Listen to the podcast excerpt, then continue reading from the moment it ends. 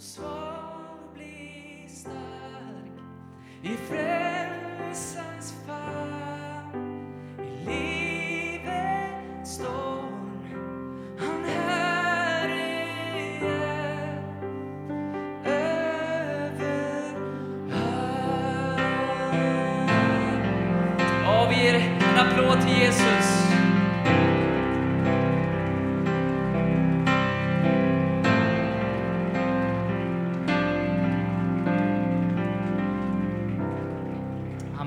Tack Jesus. Jag vill bjuda upp Bosse och Leif här.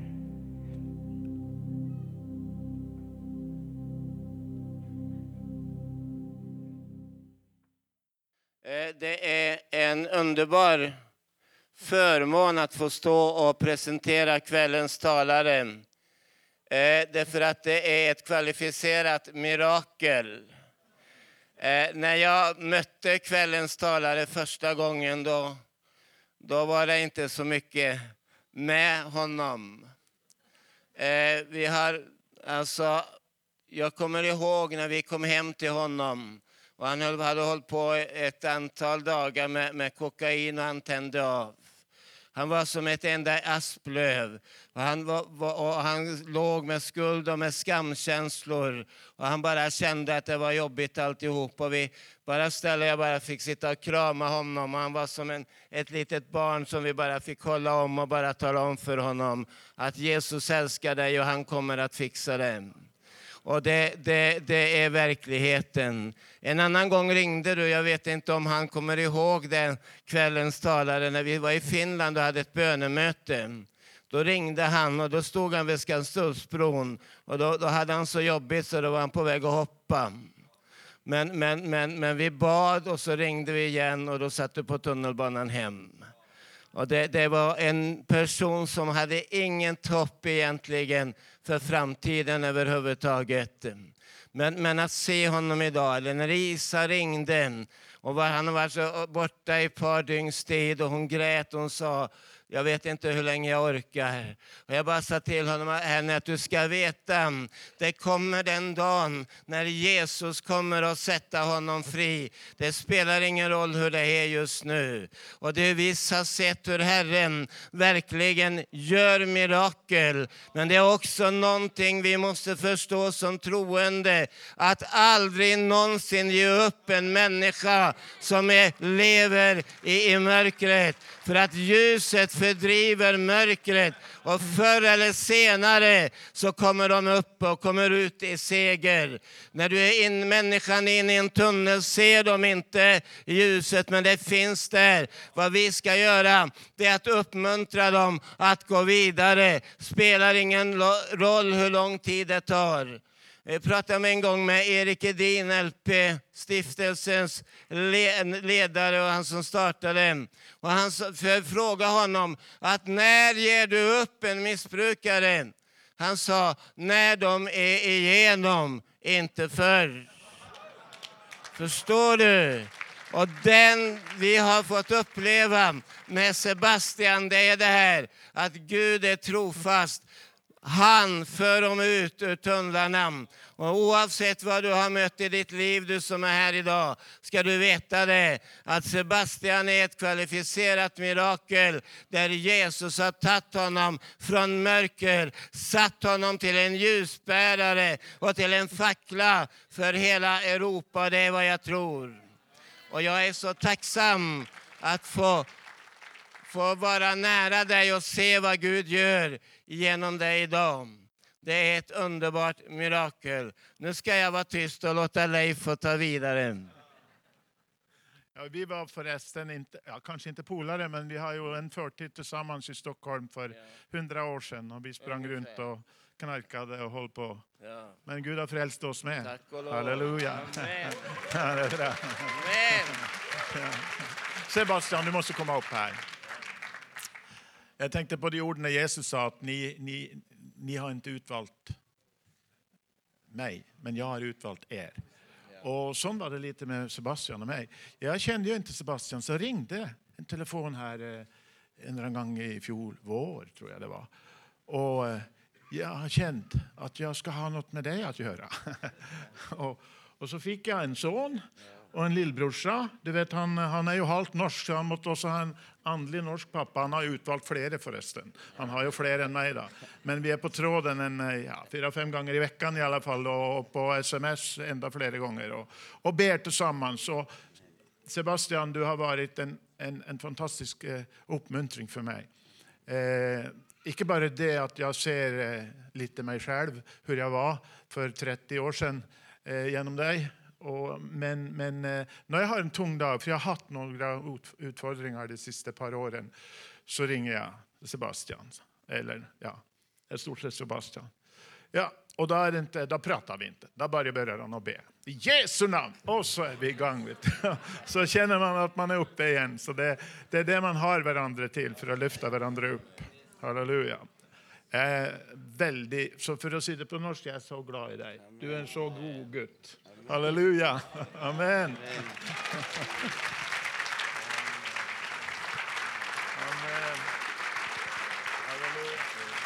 Be in den här kvällen. Ja, det ska vi göra. Halleluja. När det gäller den kvällen här så är den redan förberett. Eh, det finns andemakter som står emot, men eh, de är redan bunden för denna kvällen här. Det, det, är helt klart. Jag är nästan avundsjuk på dig att du ska få lov till att gå ut och förlossa det som Gud har tänkt för denna kvällen. För här kommer det att hända stora saker. Halleluja. Far, jag vill prisa dig. Halleluja. Halleluja, du tog bort skuldbrevet som gick oss emot.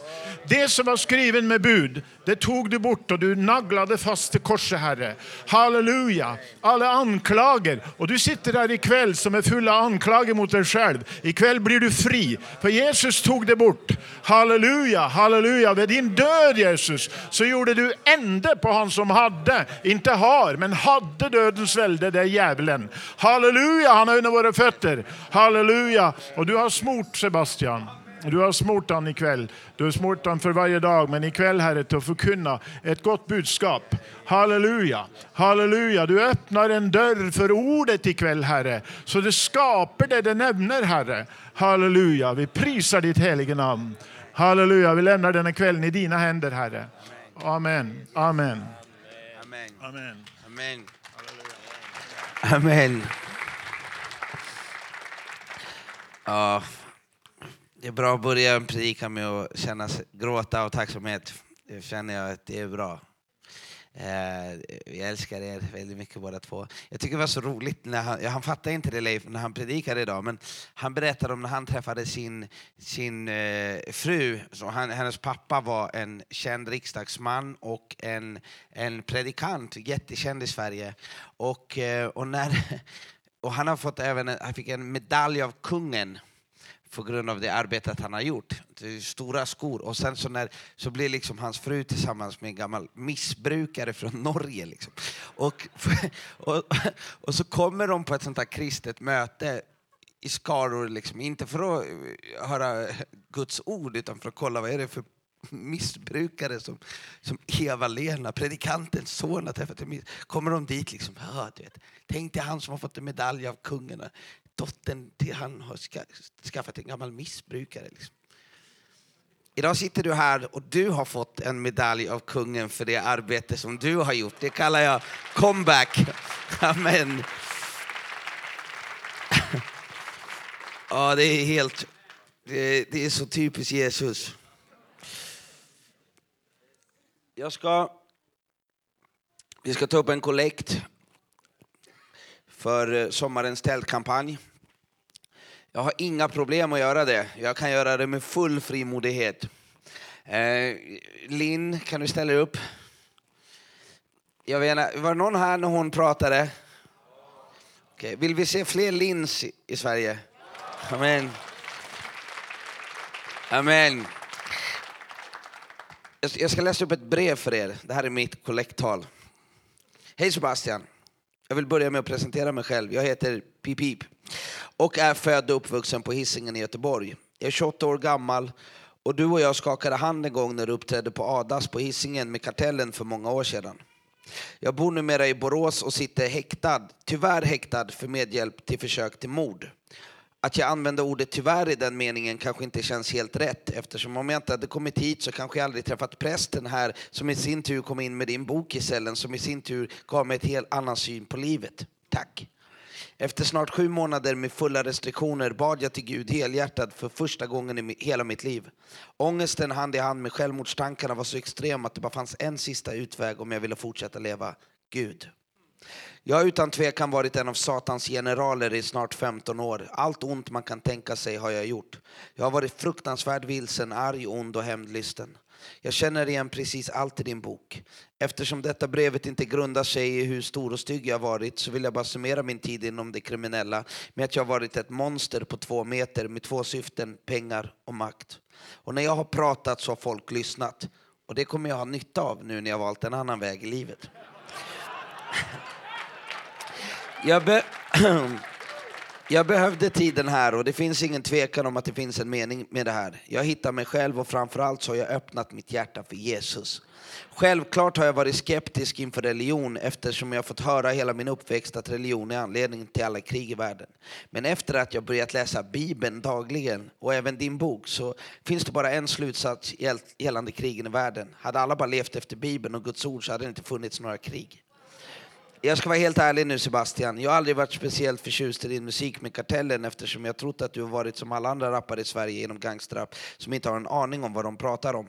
Jag har varit mer mannen som drar på Tommy Nilsson, dina färger var blå, innan jag slår in en persons dörr med yxa frisk kille.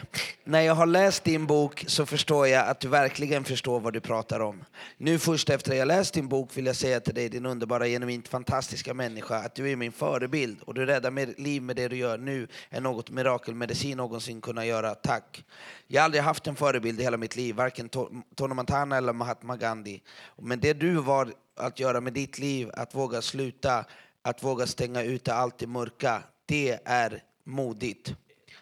Ehm, du är utan tvekan Guds sändebud och jag, säger det, jag ser det helt glasklart med att vår Herre är och varit trött på det onda och mörka och därför tror jag hela din resa har sin mening. Nio av tio i Gangster-Sverige lyssnar på din musik. Jag är helt övertygad om att tio av tio till slut kommer att lyssna på Guds ord genom dig. Jag är helt, jag är helt övertygad att din revolution mot mörkret kommer göra dig ljusa segrar. Jag är helt övertygad om att detta inte bara betyder att vi vinner slaget, utan vi vinner hela kriget. Ta dessa ord till dig Sebastian. Jag kände precis som att Gud höll i pennan och orden bara flödade. Wow, mäktigt.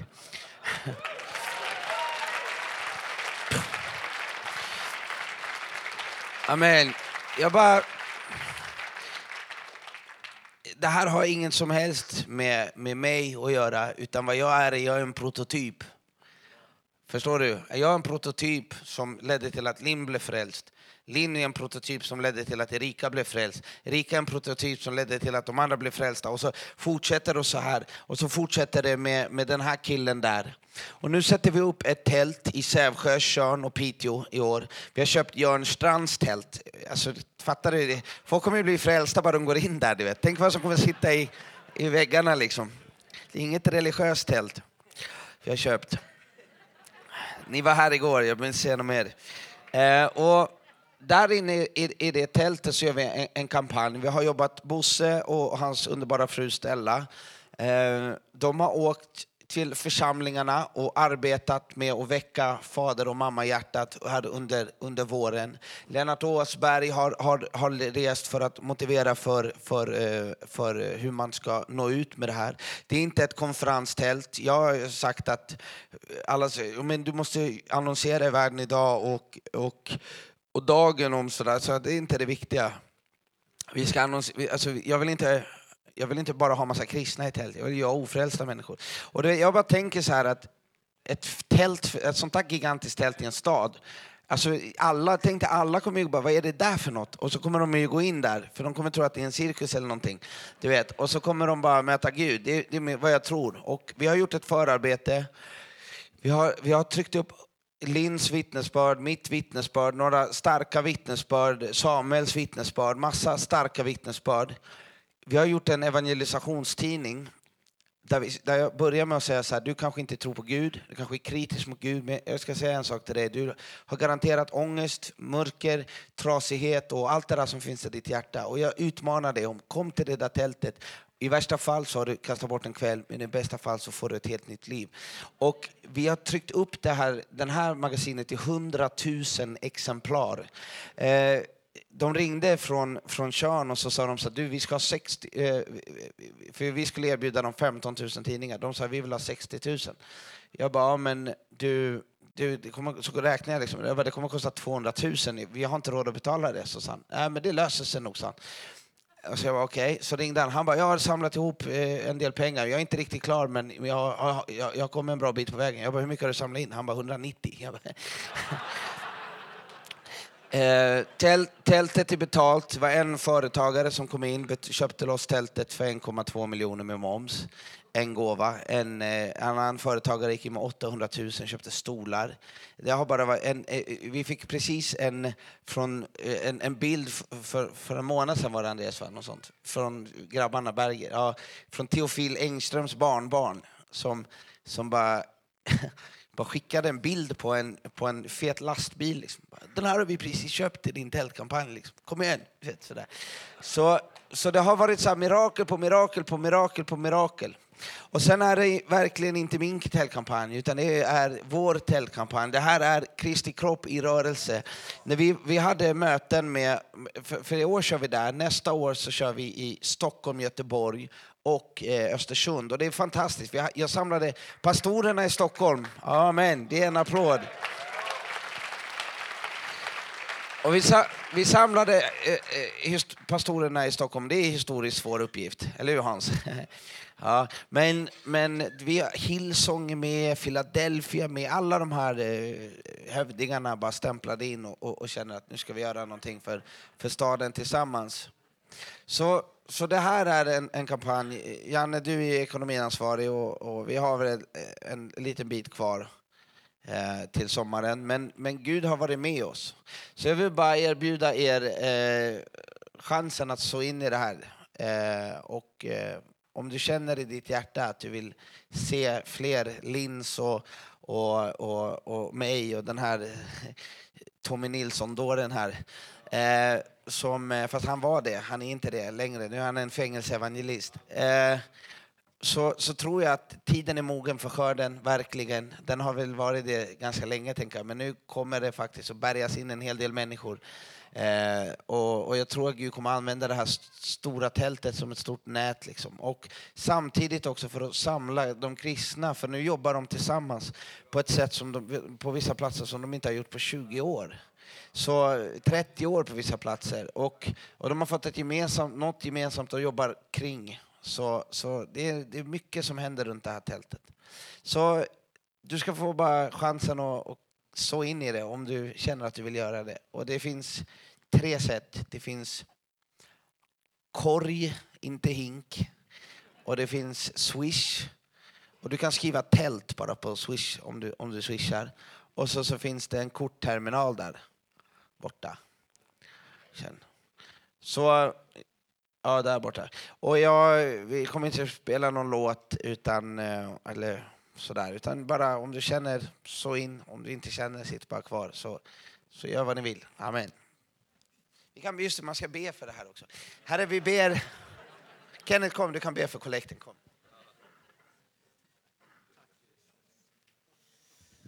Tack Jesus. Tack Herre.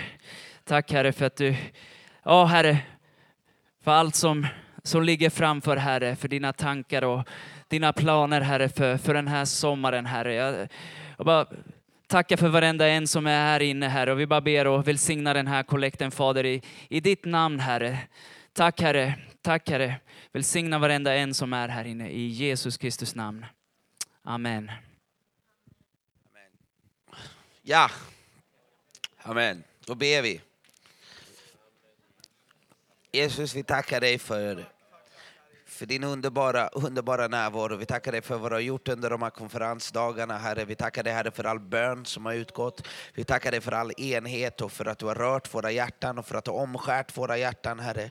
Och för att du har hjälpt oss, Herre, att bli mer lika dig och mindre lika det som vi har varit innan vi lärde känna dig, Herre. Vi ber Jesus att det här ska inte vara något undantag, utan vi ber att det ska vara en kväll där vi, där vi först och främst får lägga bort vårt eget, men att vi sen får ta emot det som kommer från dig, Herre. Så jag ber att det blir en kväll där vi lämnar, precis som man gör när man, när man ger ett offer. Att man, man, så många gånger som jag har, har, har swishat iväg någonting, jag tänkt, har jag råd med det? Nej, jag gör. Och så har jag fått tillbaka någonting efteråt. Precis så funkar det i ditt rike, Herre. Precis så funkar det ikväll, Herre, en andlig princip också. När vi lämnar bort det som är vårt eget, då fyller du med det som är från himlen, Herre. Så vi ber att köttet åker på korset, Herre, och anden faller på oss, Herre. I Jesu namn, Herre. Det ber ber vi om, Herre. I Jesu namn. Det ber vi om, Herre. Att köttet, att vi får lämna köttets vägar, Herre. Och vi får spika upp köttet på korset, Herre. I Jesu namn, Herre. Och vi får ta emot det som kommer ifrån dig, från himlen, Herre. Det ber vi om, Herre. I Jesu namn. Amen. Det är en stor, stor, stor... Anders Wist förresten, han är där borta. Anders, kan du helst vinka till alla här? Kan du ge Anders en, en stor applåd? Han har gjort ett fantastiskt arbete. Han arbetar med, med TBN Nordic, en, en fantastisk tv-kanal. Han höjer nivån på kristen tv i, i, över vårt land och vi är tacksamma och eh, vi, vi, kan bara be för TBN Nordic. Fader, vi bara ber Herre, i Jesu namn, att du välsignar Anders Herre. Att du välsignar honom. Vi bara sträcker våra händer mot dig Anders. Och vi välsignar TBN Nordic Herre. Och vi ber om vishet Herre. Vi ber om favör och vi ber om innovation Herre. I Jesu namn, innovativa tv-program Herre. Vi ber att du ska nå längre än kristenheten Herre. Det ber vi om Herre. Nå längre ut Herre. I Jesu namn Fader. Välsigna Anders Herre. I Jesu namn Fader. Amen. Amen. Amen. Det är en, en, en stor eh, glädje och ära att ha min pastor Joakim Lundqvist. Kan du stå upp så vi får ge en applåd? Amen. Amen. Det här är en, en, en, en fantastisk man på, på alla sätt. Det var så häftigt. Jag var på Illevanger tillsammans med Skarpsno. Vart är han någonstans? Där. Ja, det var det vilt möte eller? Uff. Det var, det, var, det var någon som kommenterade vad du sa, att marshmallowsarna åkte ut från kyrkan och det gillar jag. Det, blev, det, blev, det, var, ja, det, var, det var häftiga dagar, men då kom det fram en, och jag fick en profetia. Och, och, och den profetian löd att, att Gud eh, han började tala till mig och jag förstod direkt att det var Herren som pratade till mig. Liksom sådär. Man prövar ju allt, men ibland vet man bara. Du vet. Och då sa han så här, en av de viktigaste relationerna i ditt liv är den som du kommer ha med Joakim Lundqvist för det som Gud ska göra genom ditt liv. Och vid det här laget så, så var jag i, i, i Stockholm i min församling Iktus och det var bara så här, jag fattade inte den där profetian överhuvudtaget. Så började Gud tala till mig mer och mer och, det började uppgå för mig till slut att vi skulle till byta eh, församling och flytta till Uppsala. Det var helt konstigt för mig för det var ingenting som, det var ingen personlig tanke liksom. Eh, och det landade hos mig, det landade hos Isabella och vi pratade med Bosse och Bosse sa det har, har jag vetat i två år. Så. Och det känns ju tryggt när ens pastor säger det. Liksom sådär. Det känns det som att det är förberedda gärningar. Sen flyttade vi till eh, till, vi bytte till församling och, eh, och det var så häftigt för att jag, jag, jag, pratade med och så bad vi tillsammans jag och Joakim och då bara kopplade jag, alltså de här hjärtana ihop och för, för nationerna och, det, och för varandra och för, det var bara en helt övernaturlig träff liksom och sen så och då sa han så här, jag har vetat det här också i två år sedan. Sen första gången vi träffades, men han sa att om, jag sa till Gud att om det här är du så lägger inte jag mig i. För att jag tänkte, jag har inte fått något grepp på honom. Han sa att jag vill inte manipulera fram någonting att du ska komma hit, så jag har bara släppt det helt. Och du vet, så jag har inte fått en enda passning till dig att, att det skulle bli så. Men sen så fort jag kom och berättade, då, boom, då klickade det. Och, och så är en fantastisk hjärta. Det visar så mycket vem du är. För att en många hade inte gjort så, utan många hade direkt klivit fram och, och, och, och tagit, men det gjorde inte du. Så det är en väldigt ärbar situation. Jag har sett dig på avstånd, jag har följt dig i den situationen de här åren när du har plockat upp församlingen och det har varit så många människor som inte har trott att, att du skulle kunna hantera det som du hanterar, men du är en Guds man och Herren har burit dig igenom det här. Och det är en, så många människor som är tacksamma och jag är en av dem för att du har hållit ut och för att du har gjort det som Herren har kallat dig. Och det här var bara början Joakim. Du kommer vara med och du kommer förvandla den här världen tillsammans med Jesus och tillsammans med alla som, som följer dig och som älskar dig. Och vi är tacksamma. Du är en general, du är en av Europas generaler och vi älskar dig och vi är tacksamma att vi i den här lilla Petrusskutan ska få höra vad Gud har lagt på ditt hjärta ikväll. Amen. Amen. Amen. Jag ska faktiskt läsa mina noteringar idag, till skillnad från Jörn Strand igår. Jag brukar inte ha noteringar, men jag var på Reinhard Bonkes möte, avslutningsmöte i Hamburg som jag berättade om. Och, jag, och Herren talade till mig, det här ska du säga på King of Kings. Och då tänker man så här, okay, om man, man respekterar Jesus, man respekterar den heliga Ande, man respekterar Fadern. Och jag respekterar Reinhard Bonke, så jag tänker så här, okej. Okay vi kör. Och, och det jag ska tala om det handlar om David. Eh, och jag vill ha Kenneth på pianot. Jag vet inte vad du... Tror du på semester man? Vad håller du på med? Eh. Jag och Kenneth, vi synkade ihop. Herren har satt ihop oss. Så... Eh, ja. Till mitt behag och hans förfäran. Nej, jag skojar. Nej. Men, men det känns tryggt att jag har honom där. He got my back. Och, och, och, det jag ska tala om det är kungakronor. Och jag ska prata om David, en fantastisk man i Bibeln. Guds man, en man efter Herrens hjärta. Och Gud utvalde David och han utvalde honom för hans hjärta och för att han var en man som älskade Gud. Och när David var kung, då växte hans rike fort. Det växte stabilt. Han, han, han fick seger efter seger. Det, var, det ekonomiska tillståndet i landet det ökade. Alltså allting blev bara, alltså det var bara seger efter seger, härlighet efter härlighet. Han, var, han, hade framgång hela tiden. Um, Hans administration växte, hans kontaktnät expanderade, hans position befästes. Hans tillgångar sköt i höjden, hans namn var på alla läppar. Och när men, men jag tänker, vad var det som tog honom dit, där, där han var? Var, jag bara tänker på den här striden med, med Goliat. Att, och, och tänker hur när han blev... Han var aldrig... De var aldrig tänkt att vara... Han, bland människor så var han aldrig tänkt att vara kung. Det var precis som Leiv och... och alltså aldrig, någon som gick till det där tältet trodde inte att han skulle få en medalj av kungen. Det var ingen som räknade in att David skulle bli smort till kung eftersom han var ute bland få. Han var inte ens inräknad av, av hans pappa att det skulle kunna vara han som när profeten Samuel kom med sitt oljehorn och skulle smörja. Men, men, men det var, se inte på hans resliga gestalt, det är inte han som jag har utvalt utan det är någon annan. Och då var det den lilla herdepojken som hade blivit utvald. Och han kände Gud. Vi läser i, i salmerna hur han umgicks med Gud, hur han, hur han vandrade med Gud. När han dödade lejonet så kände han Gud, när han dödade björnen så kände han Gud. Han var med Gud. Var, han byggde upp i, i sin ensamhet sin, i, sin gudstjänst. Han, han gjorde det i, i, in the secret place, när ingen såg honom, när ingen visste vem han var, innan hans namn ekade, innan hans namn var på allas läppar, så, så var han med Gud. Han var kopplad tillsammans med Gud. Och han älskade Gud.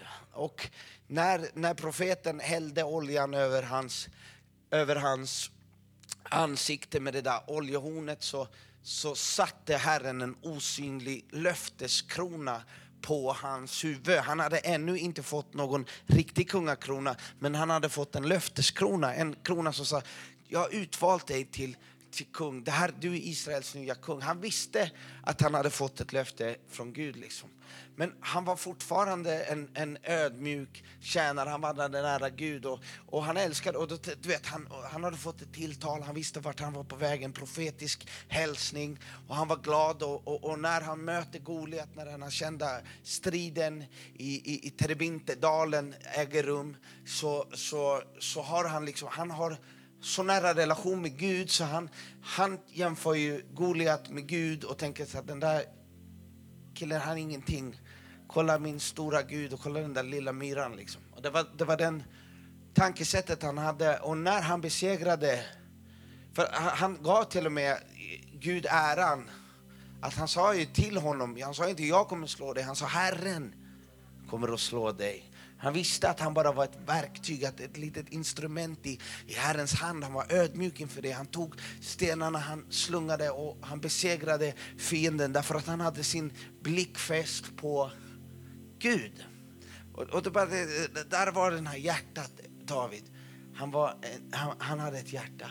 Men sen så, så, så, blev han, och så fick han gå igenom en, en svår tid. Han, Saul vände sig emot honom, han förföljde honom, han var med om, om, om, tuffa saker. Men du vet, Gud var med honom hela tiden. Jag bara tänker på den tiden som han var borta och de här rövarna, alla de här kriminella kom till de här landsförvisade förbrytarna bara sökte upp honom och de letade efter någon. De var inte önskvärda på någon annan plats. Det var nästan som Jesus och hans lärjungar. Liksom. De var liksom inte välkomna i, i, i, i, i den stora staden, i de stora templen. Men de, men de gick för att de letade efter en kung. De letade efter en ledare som de kunde följa. De ville ha någonting äkta, de, de ville ha någonting autentiskt. De ville ha en man som hade en karaktär, en man som följde Gud, en man som var ren, en man som var värd att lägga ner sitt liv för. Det var det de här rövarna och Davids rövare letade efter. Och det fann de i David, de fann den där ledaren.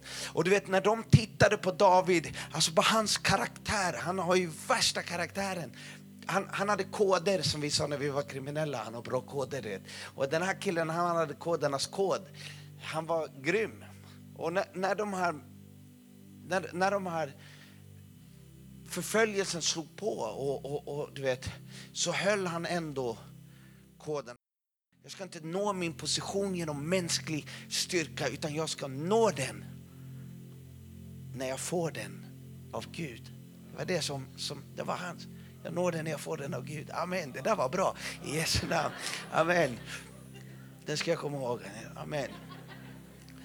Och det var hela hans mål och det var, det, det, det, det var så. Och när den här amalkiten då har, har, har hittat du vet, Saul bara hjälp till att döda kungen liksom. Och han kommer den här liksom och tror att han ska få pluspoäng när han liksom har kommit in inför hans närvaro liksom. Och han berättar att, att han berättar liksom, oh, Saul och, och Jonathan är döda.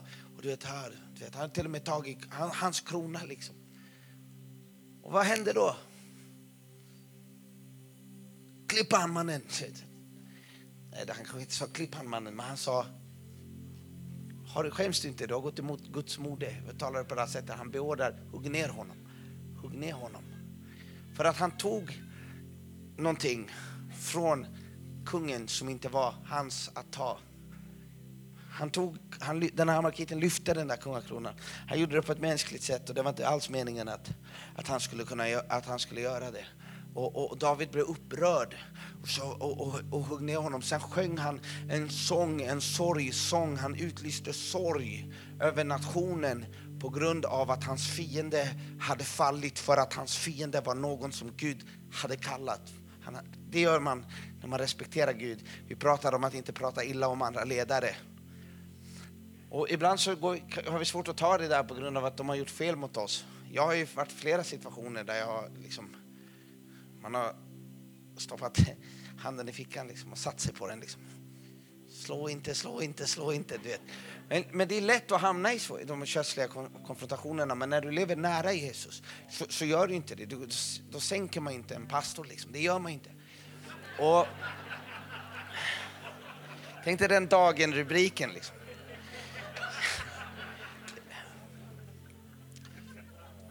Men då sänker man dagen journalisten också. Nej, jag skojar. Men det är köttets vägar när man gör så, när man hamnar i det. Men han var inte i köttets vägar. Han utlyste en sorg över nationen, han bad, han, han sörjde sin fiendes fall. Det var så mycket ära i honom, så mycket heder, så mycket, så mycket som var så vackert. Du vet. Och allt det här vackra som han gjorde, det gjorde han också innan han fick den fysiska kronan på sitt huvud. Han hade än så länge bara löftets kronan på sin huvud, men ändå så, så gjorde han så mycket vackra saker. Och, och Gud försåg honom under den här flykten. Du vet att när han var i denna grotta, han skickade, Gud skickade ju tusen, tusen, tusentals människor. Han byggde upp värsta hären där liksom. Och då kan man tänka så här, Gud försörjer mig även när jag är på flykt. Han fick de tre hjältarna som vi läser om i Bibeln. Vilka, vilka män, tre hjältar. Och bland de här tre hjältarna så, så, så ingen var som dem, men det fanns också 30 hjältar som också är listade och, och, och, och deras namn är inskrivna i Bibeln, i, våran, i, i, i Guds ord. Så står både de tre men också de 30 männen, de står inskrivna där.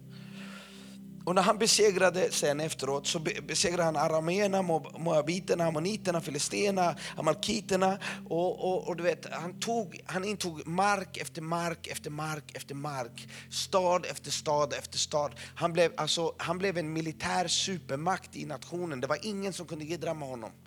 Han var Södertälje-maffian på sin prime. Liksom. Han, han var, det var ingen som kunde nå honom. Han var råstark. Och problemet när du blir råstark var att då blir ju förtroendet för ens mänskliga styrka, hänger du med, det här kan jag göra istället för det här kan Gud göra. Så hans beroende av Gud minskade och hans förtroende för sig själv och sin egen styrka den växte från att vara så här så, så, så här. Och han kanske inte sa, även om han kanske sa att Gud ska slå moabiterna så, så visar hans beteende på att han nog började tänka att jag ska slå dem. Jag ska slå dem. Och man ser det här redan i slutet på, på hans liv när han beställer den här räkningen också för att han, han vill pumpa upp sig. Han vill veta, han vill räkna soldaterna, han vill veta var han står och vad, hans styrka och vilken makt han, han besitter. Och det började segla, ut, segla in någonting osunt över hans liv. Den här makten, du vet. Det började segla in något osunt över hans liv. Så efter vinterregnet, men före den stora skörden, så förberedde sig Israel för att attackera ammoniternas högborg Rabba. Och det var fiendernas metropol och det var liksom kronan, kronjuvelen, han skulle ta dem liksom. Och detta var ett heligt krig. Och tänk dig hans krigare, de går ut och tänker nu ska vi strida, nu ska vi strida för Herren, vi ska strida för kungen. För kung och, och, och för, för, Herren och för kungen. Så han började, de började rena sig.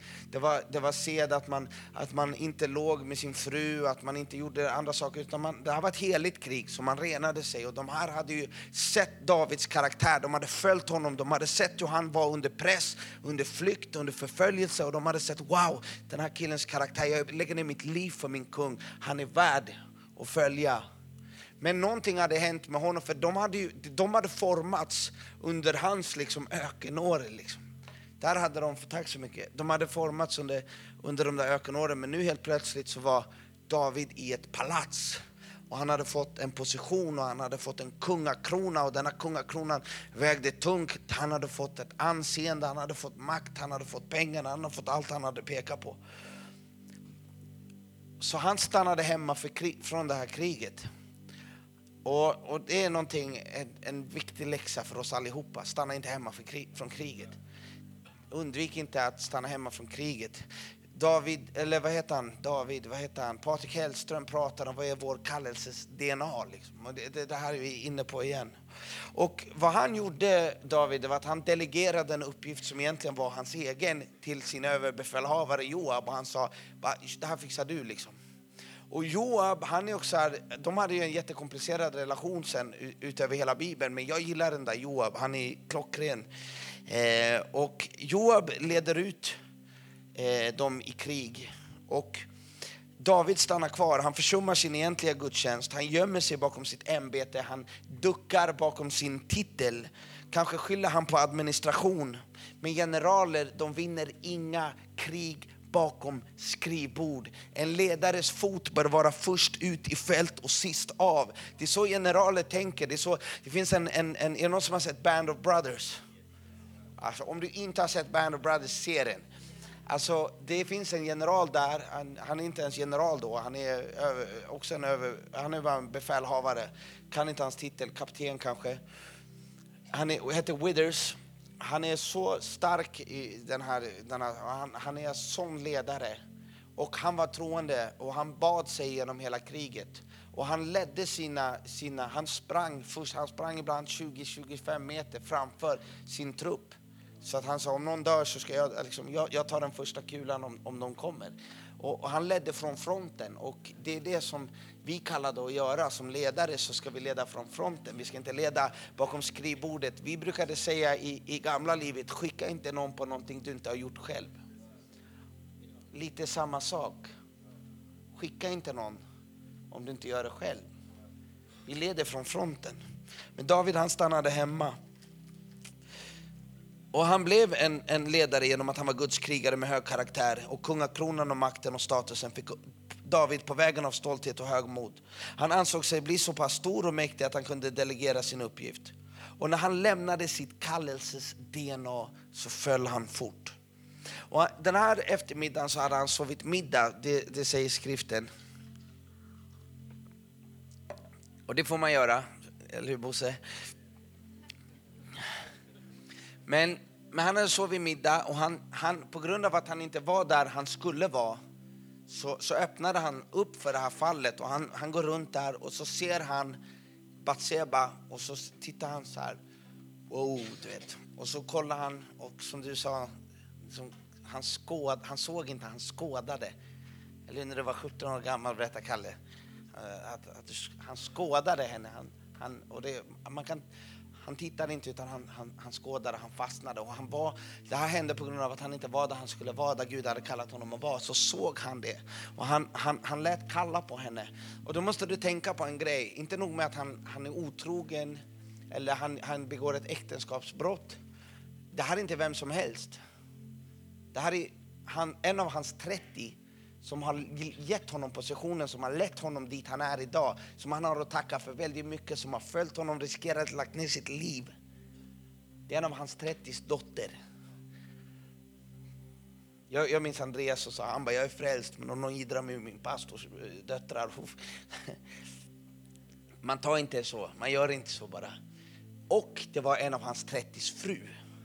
Alltså det var bara så dubbelt äckligt gjort, du vet. Och han kallar på henne och han ligger med henne och sen så, kan den här historien. Han säger uff, du vet, så hon blir, kallar, säger jag har blivit gravid, han bara vad ska jag göra? Och han beordrar, han, han, han, han beordrar hem han, en Uria från kriget och han säger så här, typ, ah, vad vill du? Kanske han inte sa, men han säger jag är här, vad, vill du att jag ska göra? Hur går det där borta? Han låtsas du vet, så här, vara intresserad av det heliga kriget som de är där och utkämpar för hans skull.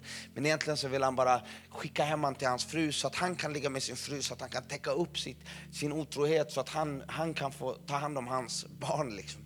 Och han säger, ja men jag kan inte göra det för att jag är en helig tjänst för dig, så jag, jag, jag kommer inte synda. Och han super, till och med dricker honom, han försöker beröva en man från hans renhet. Du vet. Och han, han, han, han, han får honom att dricka och han ändå håller sina koder som han har lärt av David, av sin ledare. Och så skickar, och så säger han, det här funkar inte. Du vet att David var stilla. Och stilla vatten samlar smuts, du vet ett levande vatten, det måste vara ett flöde. Han, han, var, han var stilla.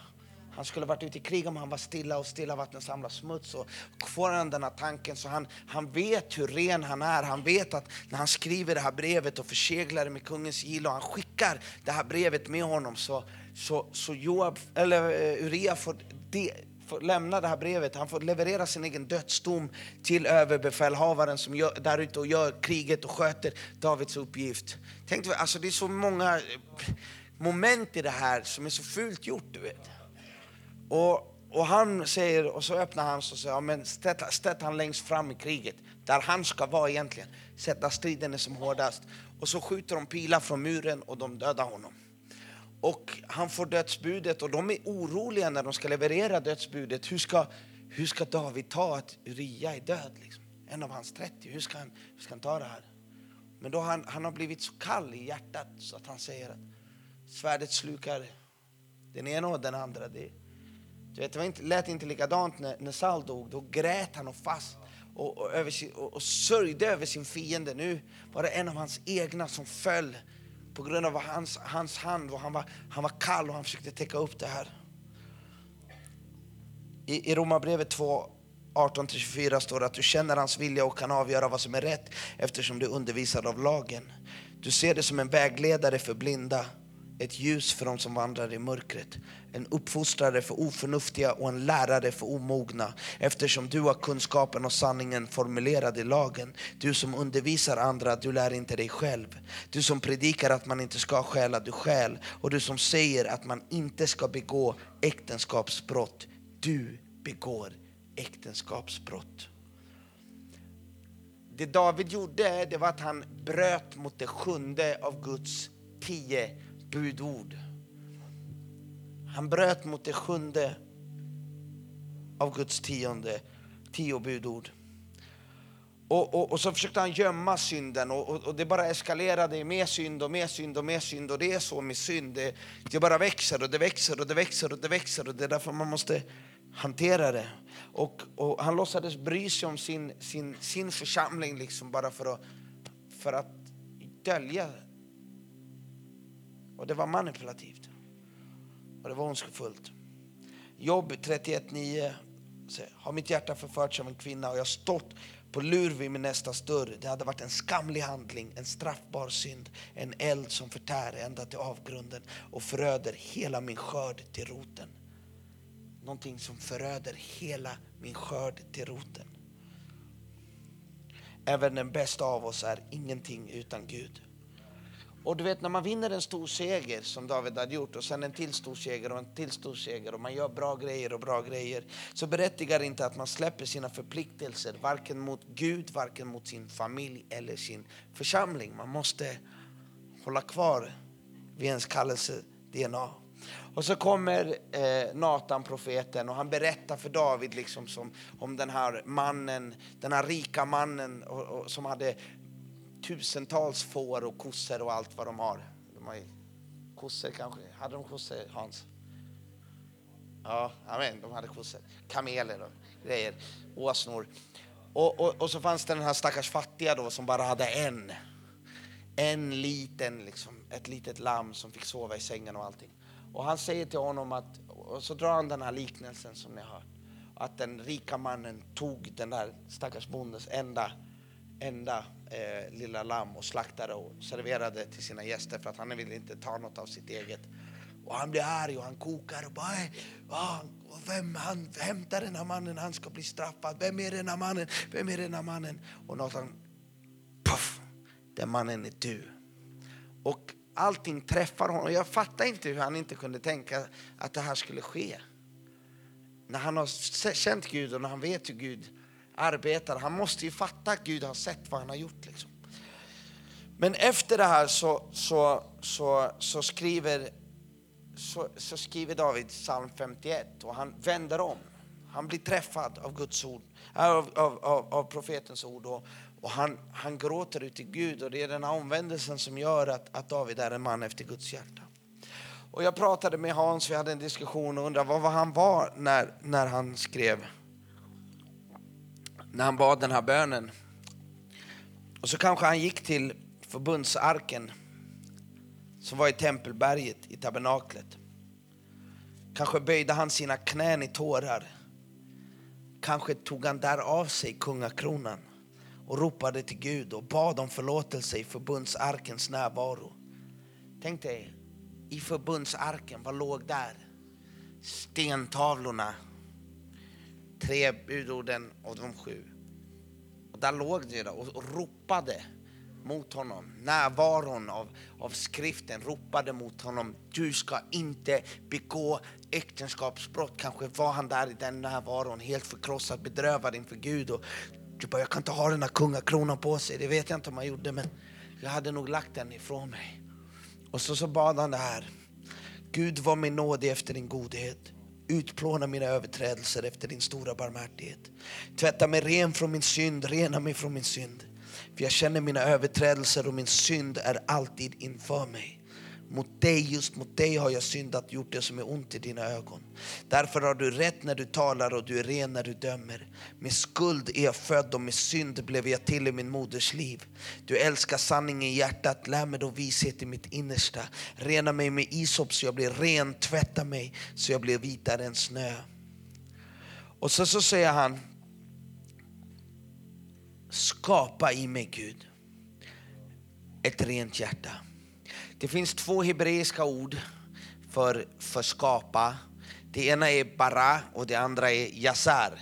Och yasar det betyder forma ur någonting som redan finns och bara betyder så, som, som Gud gör, han skapar ur ingenting. Bara betyder skapa ur ingenting, som när han skapade den här världen ur ingenting. Det är bara Gud som kan skapa ur ingenting. Och David ber bara i mig Gud ett rent hjärta för att han förstod att det finns inte ett rent hjärta här. Jag behöver att du bara, du skapar ur någonting som inte finns ett rent hjärta. Bara i mig Gud ett rent hjärta och ge mig på nytt en frimodig ande. Förkasta mig inte från ditt ansikte och ta inte din heliga ande ifrån mig. Låt mig åter få glädjas över din frälsning och håll mig uppe med en billig ande. Och jag ska lära överträdarna dina vägar så att syndare omvänder sig till dig. Rädda mig från blodskuld. Gud, du min frälsningsgud så ska min tunga jubla över din rättfärdighet. Herre, öppna mina läppar så ska min mun förkunna ditt lov. Slaktoffer gläder dig inte, annars skulle jag ge dig det. Tänk dig då om han är framför tempel, templet. Han tänker, jag hade kunnat, jag är kungen, jag hade kunnat be, begärt hundra tusen lamm komma hit och slakta och överprästliga tjurar, offer och, och allting. Men han står där och tänker att jag, inget av det här kommer betyda något. Slaktoffer gläder dig inte. Annars skulle jag ge dig det. Brännoffer vill du inte ha. Det offer Gud vill ha är en förkrossad ande. Ett förkrossat och bedrövat hjärta föraktar du inte Gud. Förkrossat på hebreiska är nishber, hjärta i lev. Och shavar är det underbyggande verbet som betyder bryta upp, öppna, som en kofot. Liksom. Bryta upp, öppna. Och det är samma som Jesus, och det här ordet kommer till här i den här bönen. Och den som, som, som den här meningen kommer till ett förkrossat hjärta, det öppnas här. Och, och, och den som säger det andra gången, det är, är, Jesus i synagogan i Kapernaum när han utlovar att han är Messias, när han, när han uppfyller den 700 år gamla profetian från, från Jesaja och han säger att, att Jesus lovar då att han har kommit att förbinda dem som har förkrossade hjärtan, att förbinda dem som har nishbelev shavar och göra gott mot Sion i din nåd, bygga upp Jerusalems murar. Och då ska du få glädjas åt rätta offer, brännoffer och heloffer. Då ska tjuras, tjurar offras på ditt altare. Det där är David, kungen, som, som vänder om, som säger till Gud, bara i mig ett rent hjärta, ge mig på nytt en frimodig ande, ta mig tillbaka till där jag började, ta mig tillbaka till betesmarken. När ingen kände till mitt namn, när ingen visste vem jag var, innan en position ens var ledig, innan en uppgift ens var ledig, innan någonting var uttalat över mitt liv, när jag bara hade dig Gud, när jag bara litade på dig Gud. Ta mig tillbaka till den där löfteskronan som profeten satte på mitt huvud. Ta mig tillbaka till känslan när oljan rann över mitt ansikte. Känslan när jag visste att du bar mig genom segern mot Goliat. Ta tillbaka mig när jag var förföljd, när ingen ville ha mig med att göra. Och när jag sökte ditt ansikte i de där grottorna när du ska söka Gud, stäng in dig i ditt innersta. Jag lovar, han, han var där ute bland grottorna i ödemarken och han måste ha tänkt, eh, kommer jag dö här? Alla letar efter mig. Min kung vill att jag ska dö. Vad håller jag på? Då, då sökte han på sina knän och han bad till Gud och jag lovar dig att där fanns Gud. Där fanns hans kallelses DNA. Och det var det han tänkte efter allt det här hade hänt. Ta mig tillbaka Gud. Ta mig tillbaka. Bara, bara, bara i mig ett rent hjärta. Hans dåliga exempel statuerade ett exempel för hans barn och, och ni vet vad som hände med hans barn.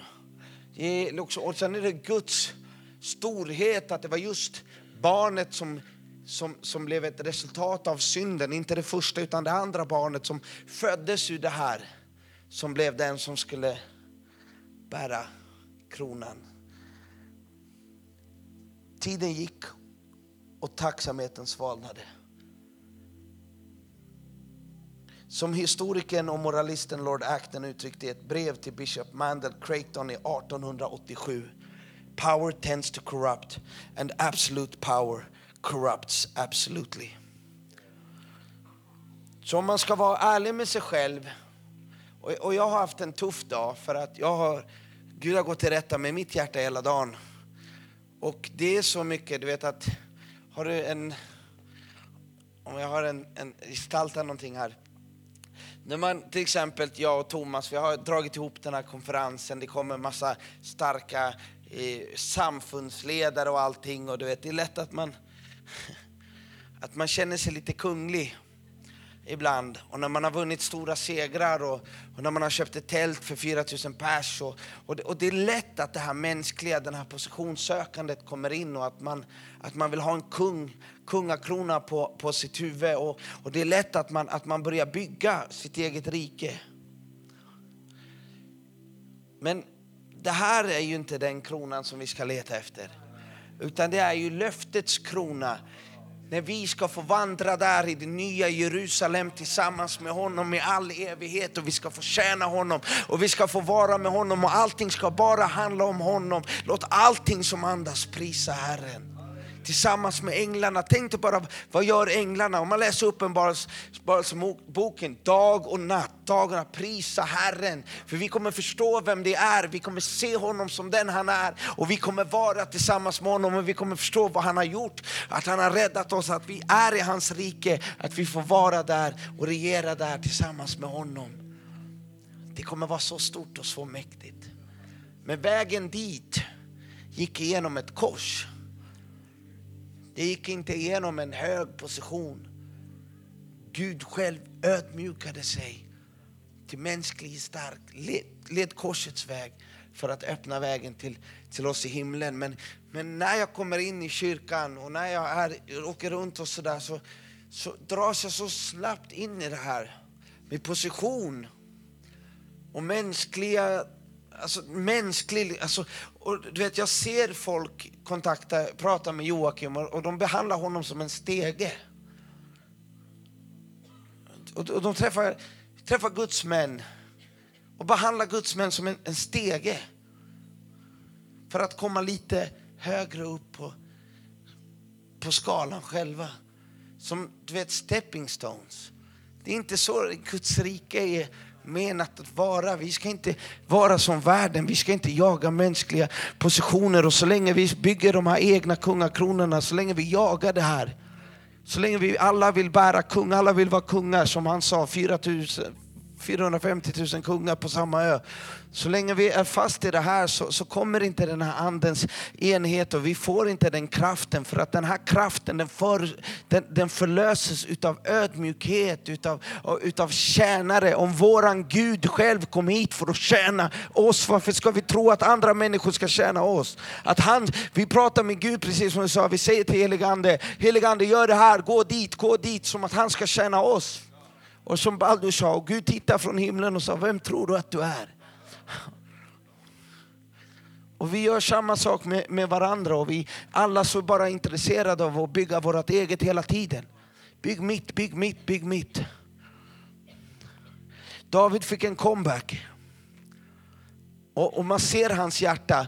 Vi, vi, de har pratat om det, här, det har följt med under konferensen. Han fick tempelritningen, men det var hans son som sa, Gud sa jättebra jobbat, men det är din grabb som ska göra det här. Och han sa yes, och så samlade han hela Jerusalem, alla Israels hövdingar, stamhövdingar och häravdelningarnas befälhavare, de som var kungens själ kungens tjänst, överbefälhav, underbefäl och förmännen över alla kungen och hans söners ägodelar och boskap hjältarna, alla tappra stridsmän. Och David steg upp från sin plats och sade, hör mina bröder och mitt folk, jag hade själv tänkt att bygga ett hus och en viloplats för Herrens förbundsark och en fotpall för vår Gud. Och jag gjorde förberedelser för byggnadsverket.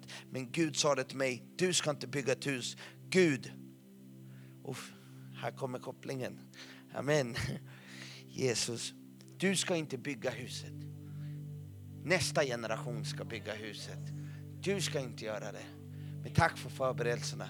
Och David välsignar det här. Och så avslutar han med att säga, och du min son Salomo, lär känna din fars Gud och tjäna honom med ett hängivet hjärta och med en villig själ. För Herren rannsakar alla hjärtan och förstår alla uppsåt och alla tankar.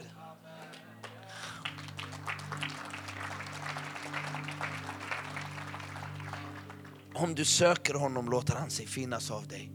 Men om du överger honom så överger han dig. Var nu uppmärksam för Herren har utvalt dig att bygga ett hus till helgedom. Var stark och gå till verket. Jag tror att det är det som Gud vill att vi ska göra.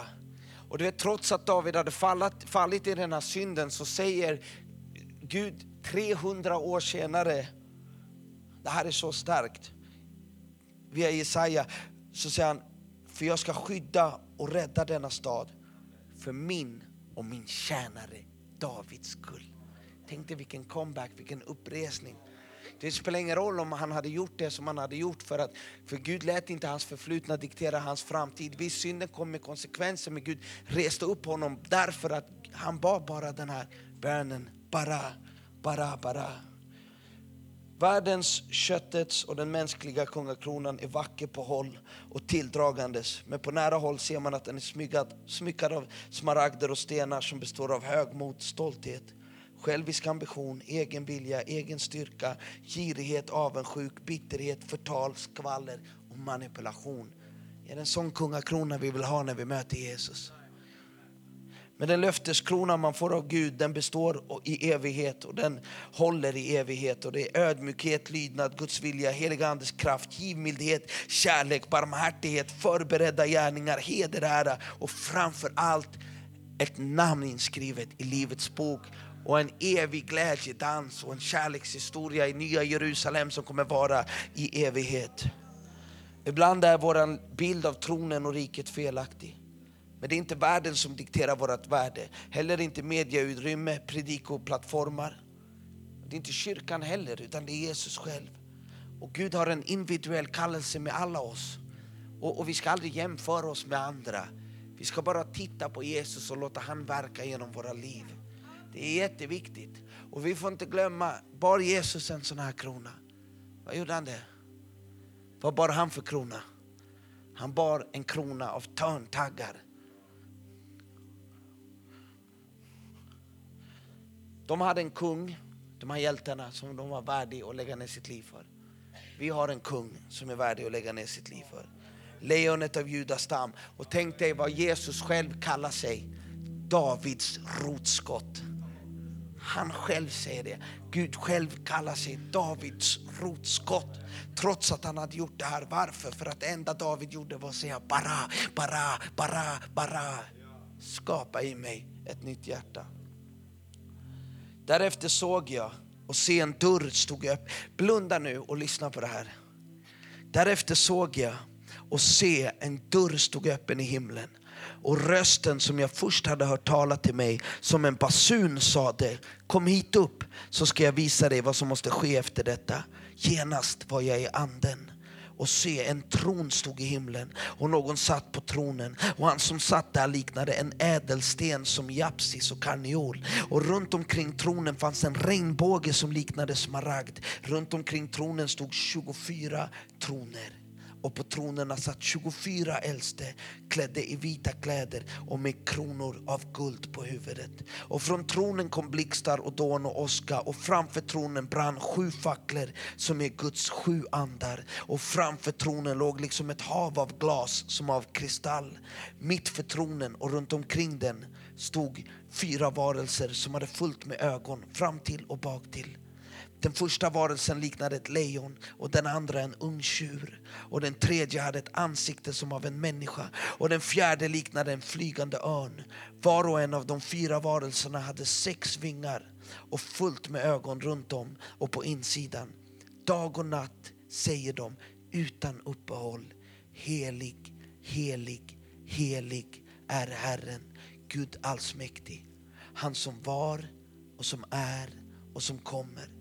Och när varelserna prisar och ärar och tackar honom som sitter på tronen och som lever i evigheters evighet, då faller de 24 äldste ner inför honom som sitter på tronen och tillber honom i evigheters evighet. De lägger ner sina kronor inför tronen och säger värdig är du vår Herre och Gud att ta emot lov, ära och makt. För du har skapat allt och genom din vilja kom det till som blev skapat. Vi kan stå upp tillsammans.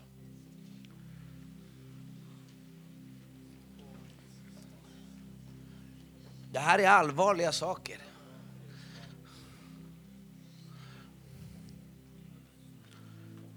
Tjugofyra äldste representerar tolv från det gamla testamentet, tolv från det nya.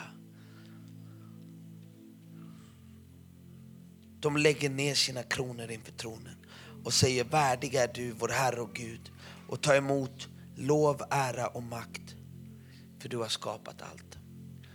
Om du tittar på dig själv och ditt liv så kan jag garantera att precis som jag så har du en kungakrona på ditt huvud.